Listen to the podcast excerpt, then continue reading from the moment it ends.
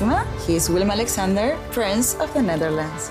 How did an Argentinian lady end up on Wall Street? That's a long story. Well, I have time. Mama, Oh, het is Maxima. ik heb er nog nooit zo verliefd gezien.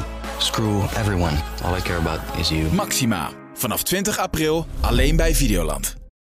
Dit programma wordt mede mogelijk gemaakt door Winit. Nou, prima. Ja. Ja, ja, natuurlijk. Zet hem maar weer aan. Je kent me toch inmiddels? Ja, ja. Matthijs van Nieuwkerk, BNM Vara, DWDD, Suzanne Kunstler, Frans Klein, RTL, Peter van der Vorst, Johan Derksen, Jan Slachter, Nieuwsuur en een magistrale Jeroen Pauw. Maar eigenlijk is er maar één onderwerp, het onderzoeksrapport van de Commissie van Rijn. Dit is een extra editie van de AD Media Podcast. Abonneren op deze podcast is gratis en handig, want dan ontvang je direct de volgende podcast in je app. En er wordt er doorheen gehoest. Het kan heel simpel. Ja, je kan eh, hoesten via de microfoon en je kan je abonneren via Spotify of Apple Podcast bijvoorbeeld. Als je voor het eerst luistert, welkom. Dat hoesten, dat hoort erbij, is gratis. Als je vaker luistert, minstens zo welkom. We hebben vaste gasten, tv-columniste Angela de Jong, die van die stukjes. En mediajournalist, eh, die hoest net zoveel als dat hij belt. Hij heeft alle sterren van de tv zijn telefoonklapper. Mijn naam is Manuel Venderbos. We gaan beginnen. Dat hoort bij televisie, dat je steeds een applausje, Applausje krijgt, ja. Dorie, wat was dat weer goed, zeg. Ja, eh, we praten sowieso bij de televisie heel graag over onszelf. Vooral als we weer zo'n mooi programma te promoten hebben. Maar vandaag is dat toch wat anders, want zo mooi wordt het niet. De commissie van Rijn presenteerde haar lang verwachte onderzoek... over grensoverschrijdend gedrag bij de omroep. En dat had een lange aanloop. Dit is De Wereld Draait Door.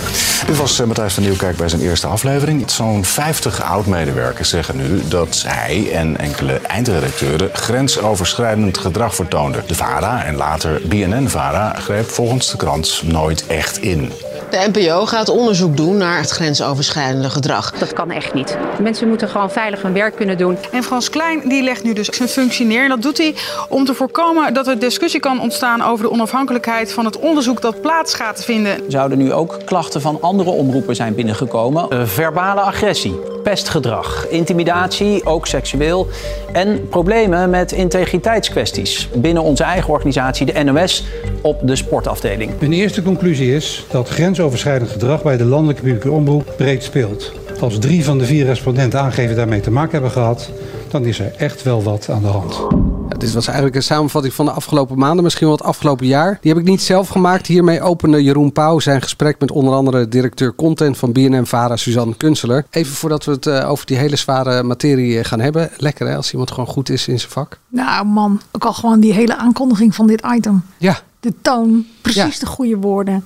Zoals gisteravond ook, dan weet hij zo'n ontzettend loodzware discussie heel goed te leiden. Maar toch een bepaalde lichtheid mee te geven. Op precies nooit op een moment dat je denkt, ja nu even niet. Maar op de momenten dat het kan. Typisch. Jeroen. ja. Ja. we hebben het niet over Dennis, we hebben het over Jeroen. Ik snap dat heel goed. Ja, Hij praat ook mooi. Dat vind ik, ik bedoel, ik heb hem nu een paar keer gesproken, heb een keer geïnterviewd.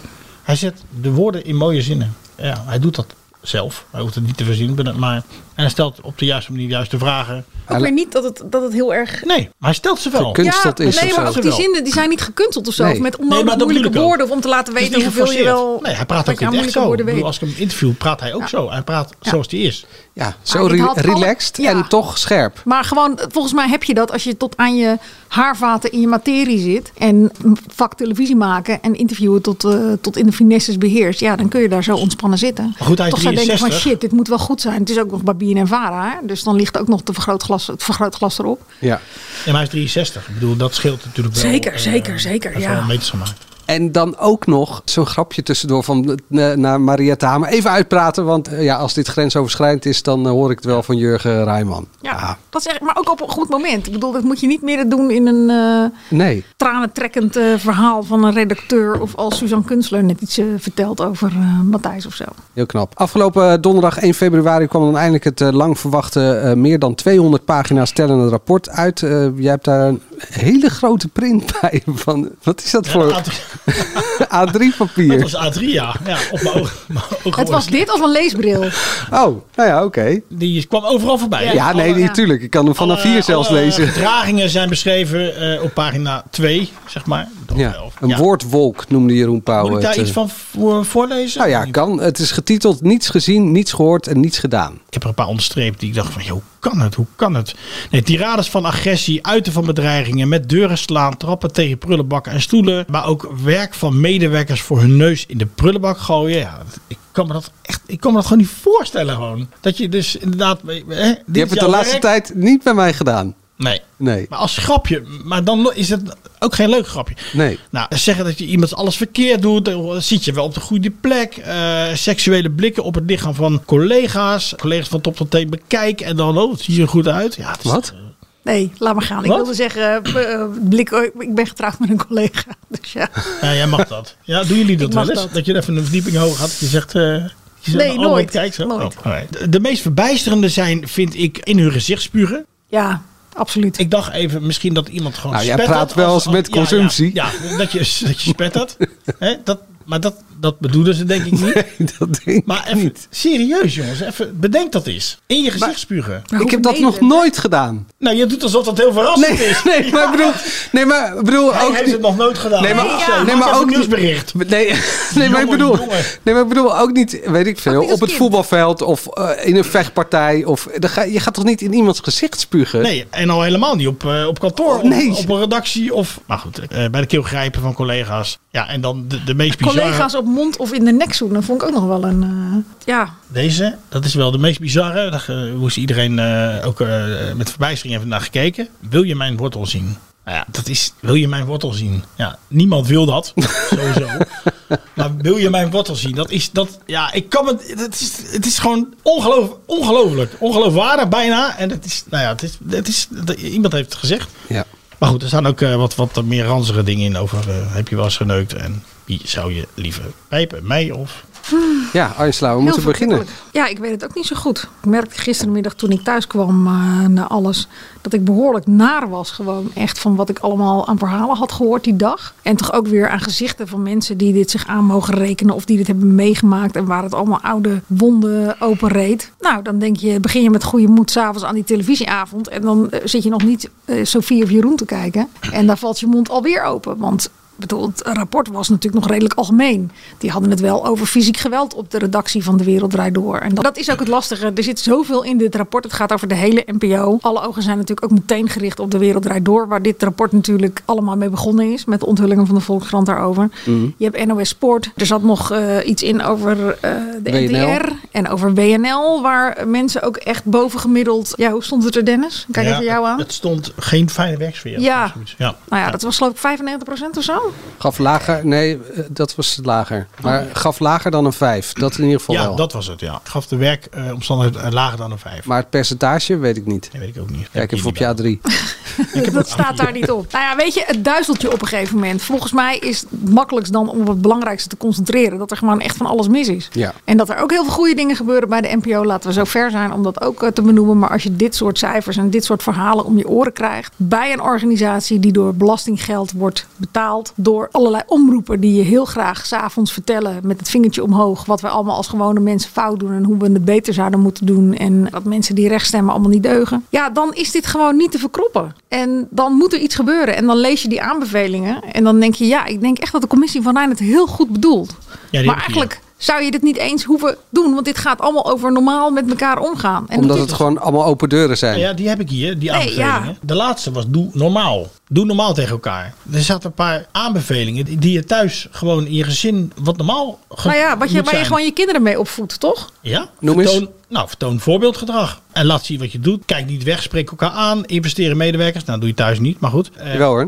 In, in de kleine afwasmachine van 10 en 12. Ontwikkel leiderschapscompetenties. Dat vind ik, ja, dat is echt, dat, dat, die staat er ook bovenaan. Ik weet niet of dat ook een, eh, of dat ook de nummer 1 is. Verbreed het perspectief van bestuurders. Zorg dat melden loont. Geef de NPO een verbindende rol. Versterk het toezicht en verbind daar consequenties aan. Ja, en vooral, eh, spreek elkaar aan. Dat is natuurlijk niet gebeurd. Maar dat is ook, jij zegt open deuren, maar kennelijk is het niet gewoon. Nee, er zijn geen open deuren voor de NPO. Nee, kijk Manuel aan, sorry. En moet toch iemand dat dan een keertje zeggen, daar op die werkvloer? Want ik ben ook van mening dat het voor zich spreekt. En dat Ja. neemt heus niet weg dat je best een keertje boos mag zijn en eh, tegen elkaar mag schreeuwen als je het daarna maar weer heel, goed, heel snel goed maakt.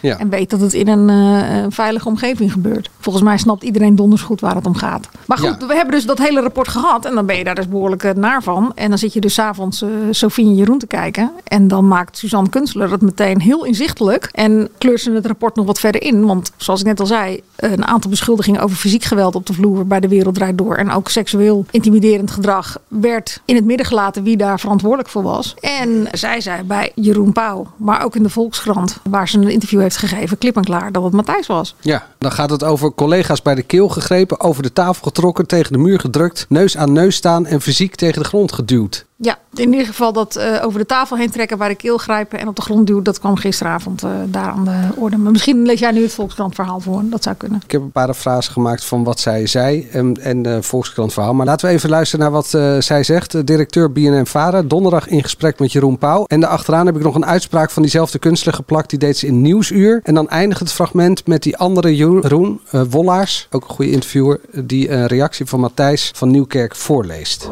Deze twee eh, nieuwe hè, het fysiek eh, grensoverschrijdende gedrag, dat seksueel grensoverschrijdende gedrag, daar waren geruchten over. Dat is echt ten volle aan ons duidelijk geworden in die gesprekken met al die mensen. Ik vind het echt een enorme zwarte bladzijde. Ik vind het ongelooflijk verdrietig. Maar vooral ook voor al die mensen die daar gewerkt hebben. Want tot op de dag van vandaag hebben mensen daar last van. Tot op de dag van de dag eh, zijn er mensen die daar er nog steeds heel erg eh, verdrietig van zijn. Maar ook soms nog gewoon echt last van hebben. Dat ze niet kunnen werken, dat ze niet fulltime kunnen werken.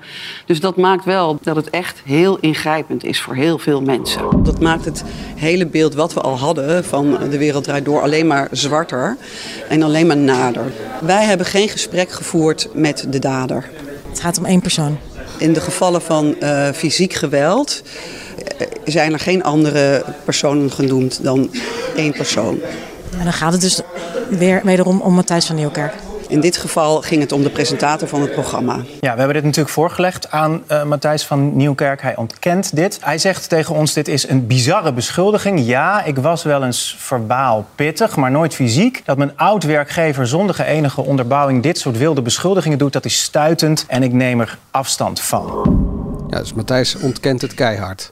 Dikke oorlog tussen die twee. Dat eh, lijkt me wel. En zij legt hier natuurlijk ook mee. Zij neemt, ja, hoe noem je het? Zij legt haar hoofd op het hakblok. Ze neemt de vlucht naar voren. Zij heeft ook heel veel te verliezen. Doordat ze dit zo heel hard zegt. Dus zij moet ook heel zeker zijn van haar zaak. Ja. En nou ja, daarvan dacht ik van je kan nog denken van misschien waren het ook anderen op de redactie. Ja, weet je, je kan het je ook gewoon heel gek genoeg niet voorstellen. Dat iemand zo, die je avond en avond op het scherm ziet, dat hij zich zo beestachtig gedraagt achter de schermen. Nee. Merk ik aan mezelf. En tegelijkertijd is het gekke dat toen het eerste verhaal van de Volkskrant kwam, de eerste reactie van heel veel redacteuren die ik in de loop der jaren ben eh, gaan kennen, die bij de Wereld Daardoor hebben gevraagd, was van, staat het fysieke gedeelte er ook in? Ik zei, nee, ik heb niks over fysiek eh, gelezen zozeer. Oh, ik zeg, maar was dat het dan? Ja, dat was er wel. Nou ja, ook later als je met mensen praat. Oh, dus dat daar hoorde jij, hoorde jij over- al eerder? ja, maar het bleef altijd allemaal heel vaag. Mensen zeiden er gewoon niet zo heel veel over. Kijk, en in het eh, voorbijgaan. Je ziet altijd, als je bijvoorbeeld met mensen praat. die bij de Wereld Door echt leed hebben meegemaakt. en die daar trauma van hebben opgelopen. dat er iets verandert in hun ogen als ze erover beginnen. Noem de naam Matthijs van Nieuwkerk, noem de Wereld Draait Door. er verandert iets in hun blik. En dan eh, is het niet zo dat je oh, nou vertel eens over die eh, fysiek gedoe dan. Nee. Ja, weet je, het zijn allemaal zeer precaire onderwerpen. En ook mensen die daar bij het programma over de vloer kwamen, eh, die hoorde je ook wel eens iets suggereren over seksuele escapades. Maar goed, ja, het werd nooit heel erg concreet. De Volkskrant en Suzanne Kunstler in de Volkskrant spreekt over seksueel overschrijdend gedrag. Ongepaste relatie. Er was dus een DWDD-medewerker die een relatie had met Matthijs en 20.000 euro meekreeg bij haar vertrek. Ja, Want er was een onwerkbare eh, situatie toen de, toen de relatie Ja. voorbij was. Maar is dit grensoverschrijdend eigenlijk? Je mag toch in principe, ja, het is niet Nou ja, goed te als jij- praten. als jij een eh, presentator bent, Ja. Dan zou dat een ongelijke relatie kunnen zijn. Een presentator en een eh, Dan is dat een ongelijke relatie. Ja, of jij een baas bent en een medewerker. Ja, dat is. Als hier eh, de hoofdredacteur eh, met, eh, met een medewerker iets gaat beginnen, ja, dan is dat een ongelijke relatie, toch? En Je kan nooit niet helemaal detecteren uit, of het, het is wel- geheel uit vrije wil is of niet. Of dat iemand denkt van dit is goed voor mijn carrière. En als ik het niet zeg, is het niet. Kunstler zegt er in de Volkskrant nog wel iets anders achteraan. Kijk, mensen kunnen altijd verliefd worden. Hè? Ook mensen die onder elkaar ondergeschikt zijn op de werkvloer. Ja, ook gebeurd. Ja, maar ik was niet niet ondergeschikt. Wij waren gewoon volledig gelijkwaardige collega's. Eh,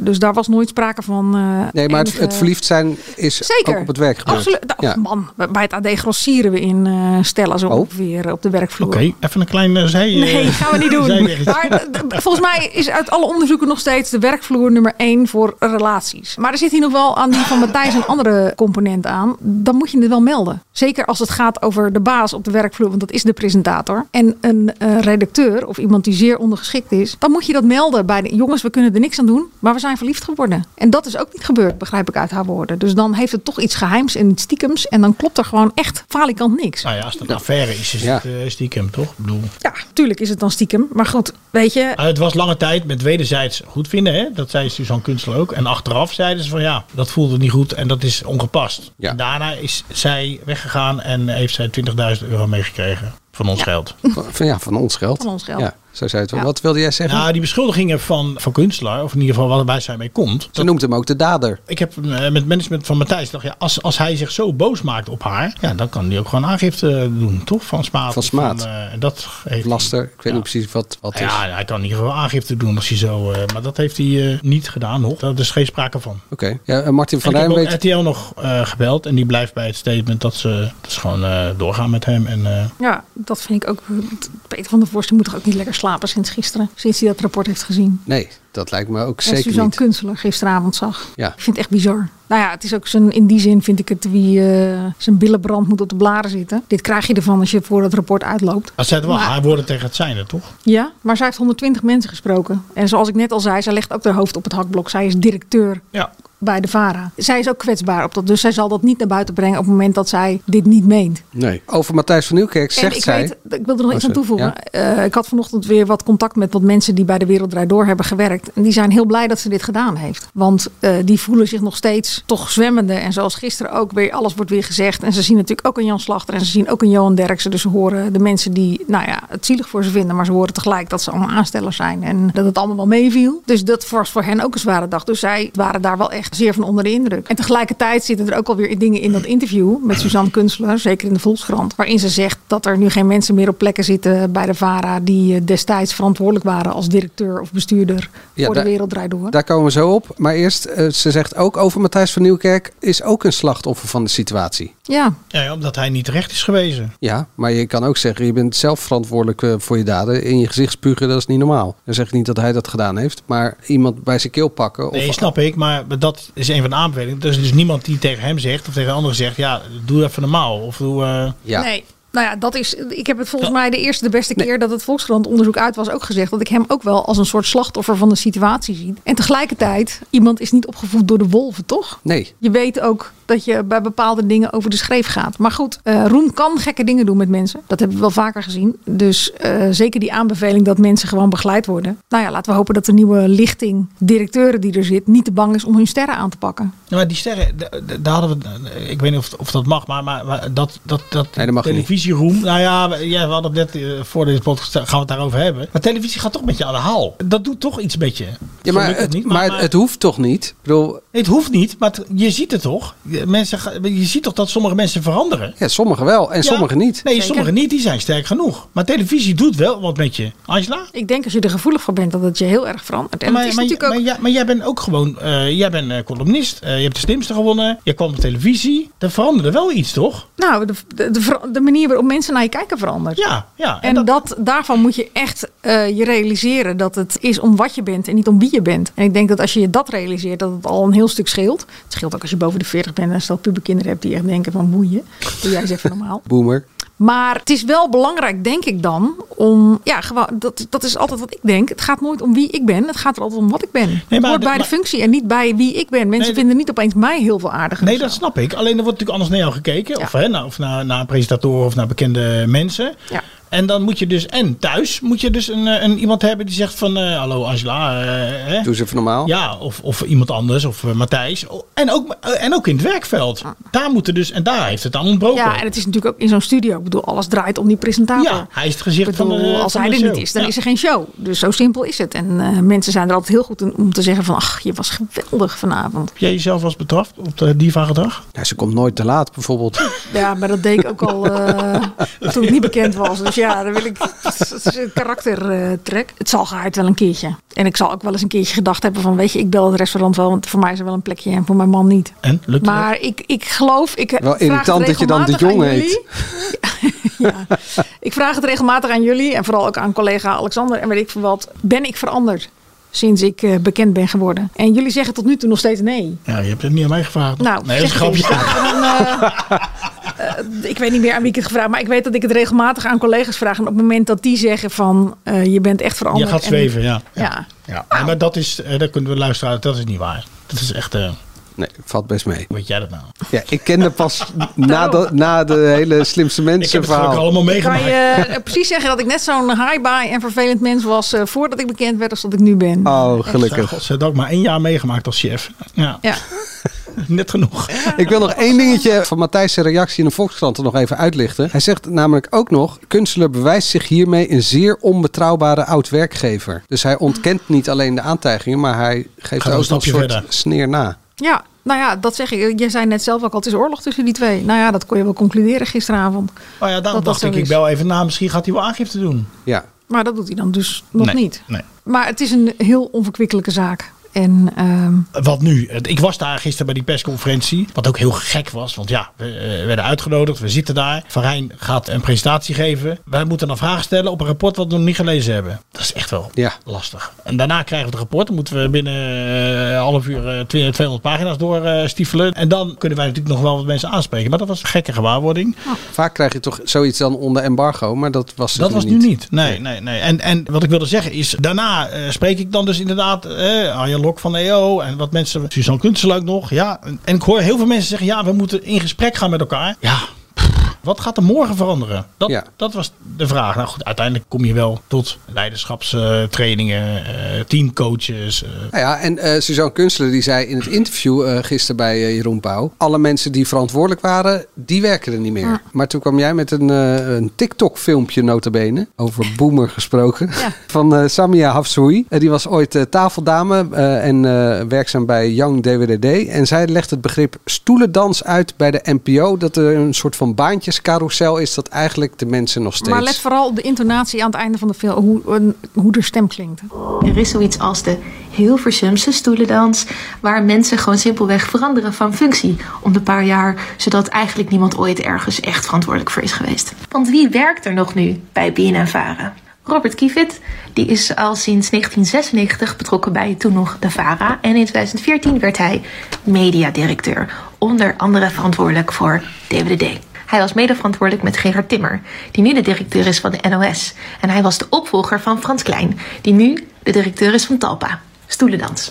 En dan vraag je je vast af, Samia, waar is hij nu? Hij is nu producent fictie. Als je als scenarist een serie wil maken, dan kom je bij hem terecht. Hij werkt er dus nog steeds. We hebben hun verantwoordelijkheid niet genomen, maar dat zijn ook niet de mensen die nu hier het beleid bepalen. Nee hoor, het is totaal niet naar of eng of confronterend dat iemand die betrokken was bij zo'n heftige bedrijfscultuur nog steeds bij dat bedrijf werkt. Vooral niet als je van oud DWDD-medewerker naar scenarist bent gegaan.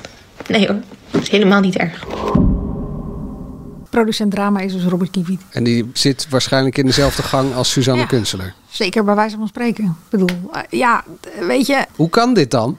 Ja, dat vind ik dan ook weer het lastige. Ik bedoel, ik vind, ik vind echt dat zij hele goede dingen doet. En ze durft man en paard te noemen. Maar dit soort dingen zijn gewoon niet handig. Om dat dan niet even gewoon beter te benoemen in zo'n interview. Ja, want, ze had kunnen zeggen, want ik heb BNN Varen net aan de lijn gehad. Ze had kunnen zeggen, en dat is dan blijkbaar gebeurd. Wij hebben eh, eh, gesprekken gevoerd met eh, Robert Kiviet. We hebben een teamcoach aangesteld. We hebben een leiderschapscursus, een traject zijn we ingegaan met hem. Dat had ze dan ook moeten zeggen. En dan had, had zij dat filmpje niet hoeven te maken. En heeft hij spijt betuigd. Dat is een goeie. Hij is dus op de hoogte van alles wat er gebeurde. Dus we hoeven ons ook niet meer af te vragen of het zo is. Want als hij dit allemaal heeft moeten doen, dan was het dus blijkbaar ook zo. Nou, dat is wel een aanname. Dat weten we Ja, niet. maar ja, dat is toch een logisch gevolg. Nou, dat hoeft niet. Hoeft niet. Nee, kan. Nee, ja, jullie zeggen het.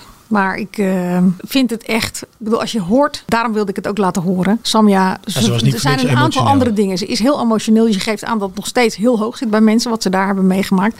Het is een van de weinigen die met naam, toenaam en eh, gezicht naar buiten wil. Om over deze kwestie te praten en om het aan te kaarten. Want iedereen, dat hoorde je gisteravond ook in die aflevering van eh, Sophie en Jeroen vind het heel eng om naar buiten te treden. Ze zijn nog steeds allemaal bang voor hun baan. Ja, want Jeroen had het ook gevraagd hè, aan eh, sommige redacteuren. Maar die wilden allemaal niet. Nee, ze toont dus aan dat er nog steeds mensen op plekken zitten die dit gewoon allemaal geweten hebben. En die ook nog steeds aan de touwtjes trekken. Ja. Dat laatste, dat vind ik het kwalijke eraan. Want ik heb kinderen, jij hebt kinderen. Nou, zeker mijn oudste speelt met het idee, die wil iets in de sportjournalistiek. En die vindt eh, Hilversum heel intrigerend. Hoe was het ook weer gesteld bij de NOS Sport? 85 procent 50 procent. qua intimidatie. Ja, het seksisme, Ja. eh, pesten, intimidatie. Nou ja, maar de mensen die hiervoor verantwoordelijk waren. Dus dan zoomen we uit eh, van de daders, maar dan kijken we naar de grote lijnen en hoe dat allemaal verkeerd heeft kunnen gaan. Mhm. De mensen die hiervoor verantwoordelijk waren, die zitten nog steeds op allerlei plekken. Gerard Timmer bij de NOS. Frans eh, Klein is een hoge pief bij Talpa. Matthijs van Nieuwkerk kan gewoon lekker aan het werk bij RTL 4 en weer bandjes aankondigen. Heb ik dan de illusie dat er iets gaat veranderen?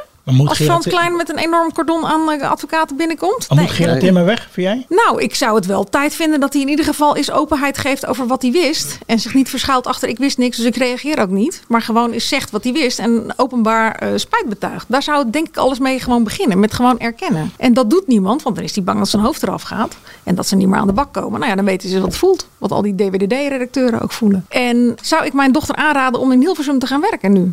Nee. Want ik heb gewoon niet meer de illusie dat er iets echt gaat veranderen. Ik heb het mijn dochter ook gevraagd, want die doet de communicatie.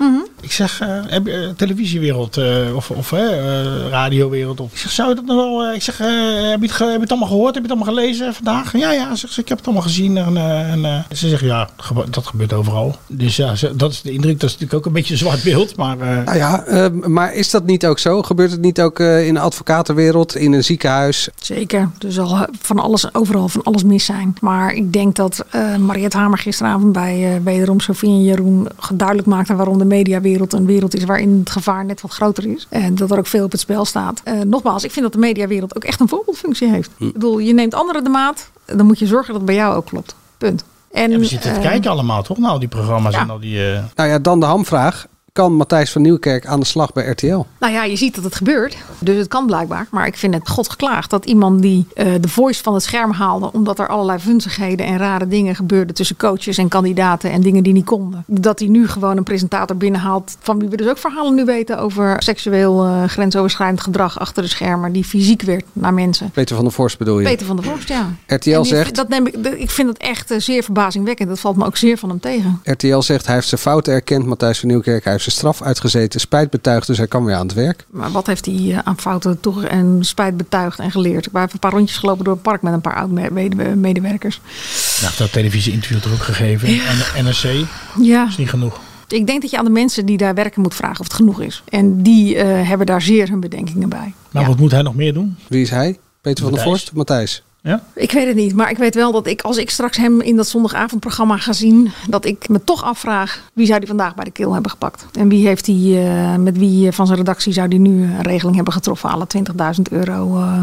nou ja, daar mag RTL het mee doen. Ja, hoe denk je dat Peter van der Vorst heeft zitten kijken gisteravond? Nou, ik mag eh, hopen dat hij eh, het heel benauwd had en enorme spijt had van zijn beslissing. Maar daar zien we nog weinig van. Zondag 21 april staat in de agenda als de dag van de eerste aflevering van Matthijs. Ga je kijken met die gedachte? Ja, ik ben heel benieuwd of, eh, of het ook echt gaat gebeuren, die datum. Ergens hoop ik nog steeds dat er een soort moreel kompas is in Hilversum... waarbij mensen weten van nou, er zal eerst meer moeten gebeuren... voordat we dit kunnen doen of niet. Maar wat moet hij dan doen? Moet- Moet hij een tijdje niet op, op hij is al een tijdje van televisie. Moet hij niet op televisie meer? Het gaat er mij niet zozeer om wat Matthijs doet. Het gaat er mij om wat omroepbazen doen. En wat omroepbazen uitdragen met, de- als ze iemand in beeld nemen. Maar met, Of in Peter van der Vos moet hem dus nog niet op televisie doen. Dat is precies het punt van mijn En betoog. wat moet ze dan doen? Nou, eh, niks. Laat hem lekker eh, achter de Ze schermen moet- aan zichzelf gaan werken. Op het moment dat jij iemand bij de keel greep en over de tafel trekt, dan denk ik niet dat je dat oplost met een paar rondjes in het park. Dan denk ik dat er misschien toch iets meer aan de hand is en dat je misschien een iets ander traject ook in moet. Maar goed, ik ben geen expert. Ik kijk alleen naar die mensen van de wereld draait door. En die vinden het zeer verbazingwekkend dat iemand na een paar keer sorry zeggen gewoon weer terug kan. En dat er voor hem niks verandert, terwijl hun hele leven in puin ligt. Denk je dat Nederland überhaupt gaat kijken? Ja, dat weet ik niet. Ik vind het. eh, je hebt een groot deel van de mannen die zijn zoals. eh, of van de mensen, laat ik het zo zeggen. Die zijn zoals Johan Derks en Jan Slachter. En je hebt andere mensen die toch ook alweer benieuwd zijn. En je hebt het, het geheugen is heel kort. Als ik Peter van der Worst was, durfde ik het niet aan. Nou ja, zou laten ik we- mezelf ook niet in de zou die, kunnen zou die met, zou de Peter Vos met Suzanne Kunstler hebben geschakeld? Van joh, eh, klopt dit wel? Of eh, wat jij nu zegt. Ik denk, ja, maar dan gaan we er dus vanuit dat. Jij staat dus op het standpunt, Suzanne Kunstler, directeur, die roept maar wat. Nou ja, Die heeft eh, 120 mensen gesproken van die redactie. Ja, maar Jij denkt dat zij in haar positie zich kan veroorloven in dit soort gevallen? ik vind het een behoorlijke beschuldiging. Ja, Ja. dat is het ook. Dus ik denk dat je Maar ook er is geen serieus moet bewijs. nemen. Er is geen bewijs. Nee, maar dat is nou net het pro- probleem bij al die zaken. Dat weten Zeker. we toch al, weet ik Ja. veel hoe lang met deze ja, MeToo-zaken. Dat het het- altijd het woord van de een tegen de ander is. Ja, ja, ik vind het een heftige beschuldiging. Ik denk dat Peter van der Vorst nog eens naar die vlaggen moet kijken die buiten zijn raam wapperen. Over het eh, pact eh, respectvol samenwerken. Misschien moet hij dat doen. En dat is niet En dan met- ben ik benieuwd wie daar nog bij eh, achter de schermen wil werken. Eigenlijk, als ik jou zo hoor, zeg je dus eigenlijk... er gaat niks veranderen en al, iedereen, alle poppetjes blijven zitten waar ze zitten. En nou ja, de wereld draait door. Zolang alle poppetjes blijven zitten waar ze nu zitten. Dacht ik te plek hoor, sorry. Ja, nee, maar ik bedoel, eh, ja, ik ben niet zo in de stemming voor een enorme melige podcast, eh, merk ik, sorry. Zolang alle poppetjes blijven zitten, heb ik er een hard hoofd in dat er wat gaat veranderen daar. En dan heeft het nog heel lang nodig voordat er echt daadwerkelijk iets verandert. Maar daar ben, ik, daar ben ik echt met jou eens. Want ik heb ook, weet je, ik hoor te veel mensen, hoorde ik gisteren ook in, de, in eh, beeld en geluid zeggen van, we gaan in gesprek en we gaan in gesprek. Ja, maak dat eens concreet. Ja, We maar gaan behalve dat... zitten. ja, of, eh, ja, maar het zou niet eh, heel simpel... Wat, eh, hoe heet die? eh, Thomas Bruning van de Vereniging van eh, Nederlandse Journalisten... die zei van, begin nou gewoon eens met de contracten langer te maken. Ja. Als je, dat is ook iets heel concreets. Ja, zeker. Heeft toch niks te maken met praten. Maar dan durven mensen überhaupt te gaan praten. Het is een heel veelkoppig probleem. Wat inderdaad die contracten, maar ook de bestuurstructuur, de hele beslisstructuur. Ja, de eh, tot het niveau, eh, Met- met- diva-gedrag natuurlijk. met Divo en diva-gedrag. Met de televisie, maar ook, ook met, met de producenten. Eh, moet de NPO ook verantwoordelijk eh, zijn voor eh, de producenten, de buitenproducenten, die, die de programma's maken? Moeten ze daar ook meer op letten? Ja, het is echt een moeilijke materie.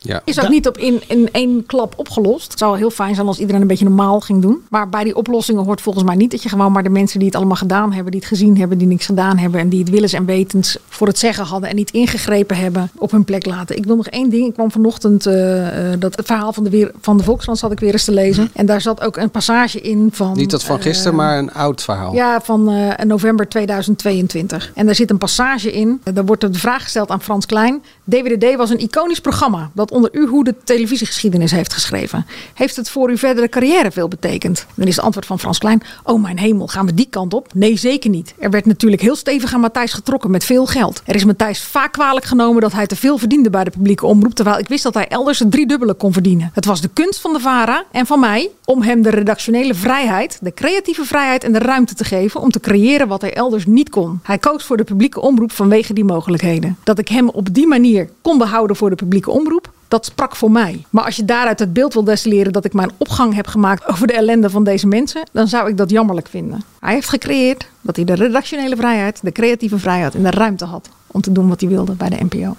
Ik word gewoon heel verdrietig van deze hele zaak. Ik hou van het medium televisie. Ik vind het een van de mooiste dingen, een van de mooiste uitvindingen die er is geweest. En dat mensen zo omgaan met hun verantwoordelijkheden, vind ik echt om te janken. Serieus. Toch wil ik zo graag nog een beetje positief afsluiten. Kijken we nog ergens naar uit? Maar om onszelf nog verder in de put eh, te praten, herhaal ik gewoon de woorden van Dennis van gisteren. En Heiko en Ellen zijn ook te hard elkaar. Godverdikke.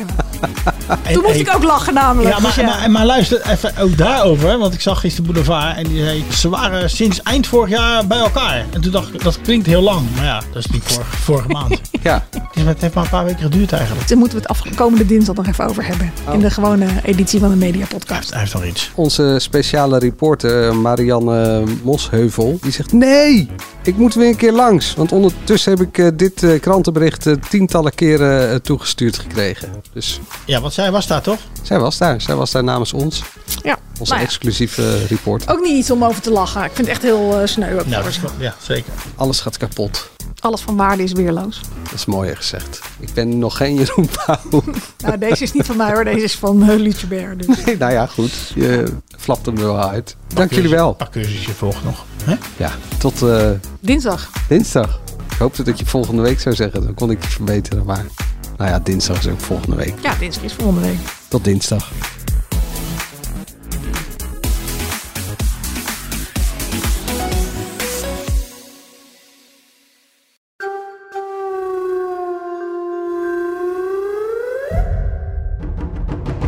Staan de VVD en een groep demonstranten fucking alweer buiten de poort. Dat kan toch niet? Maar toen ging het hier helemaal mis op het stadhuis dat is ook waarom ik het OM echt superkneuzerig vind. Ze gaan er echt voor. Beluister de nieuwe afleveringen van Ode Mos op ad.nl slash podcast of via je favoriete podcast app.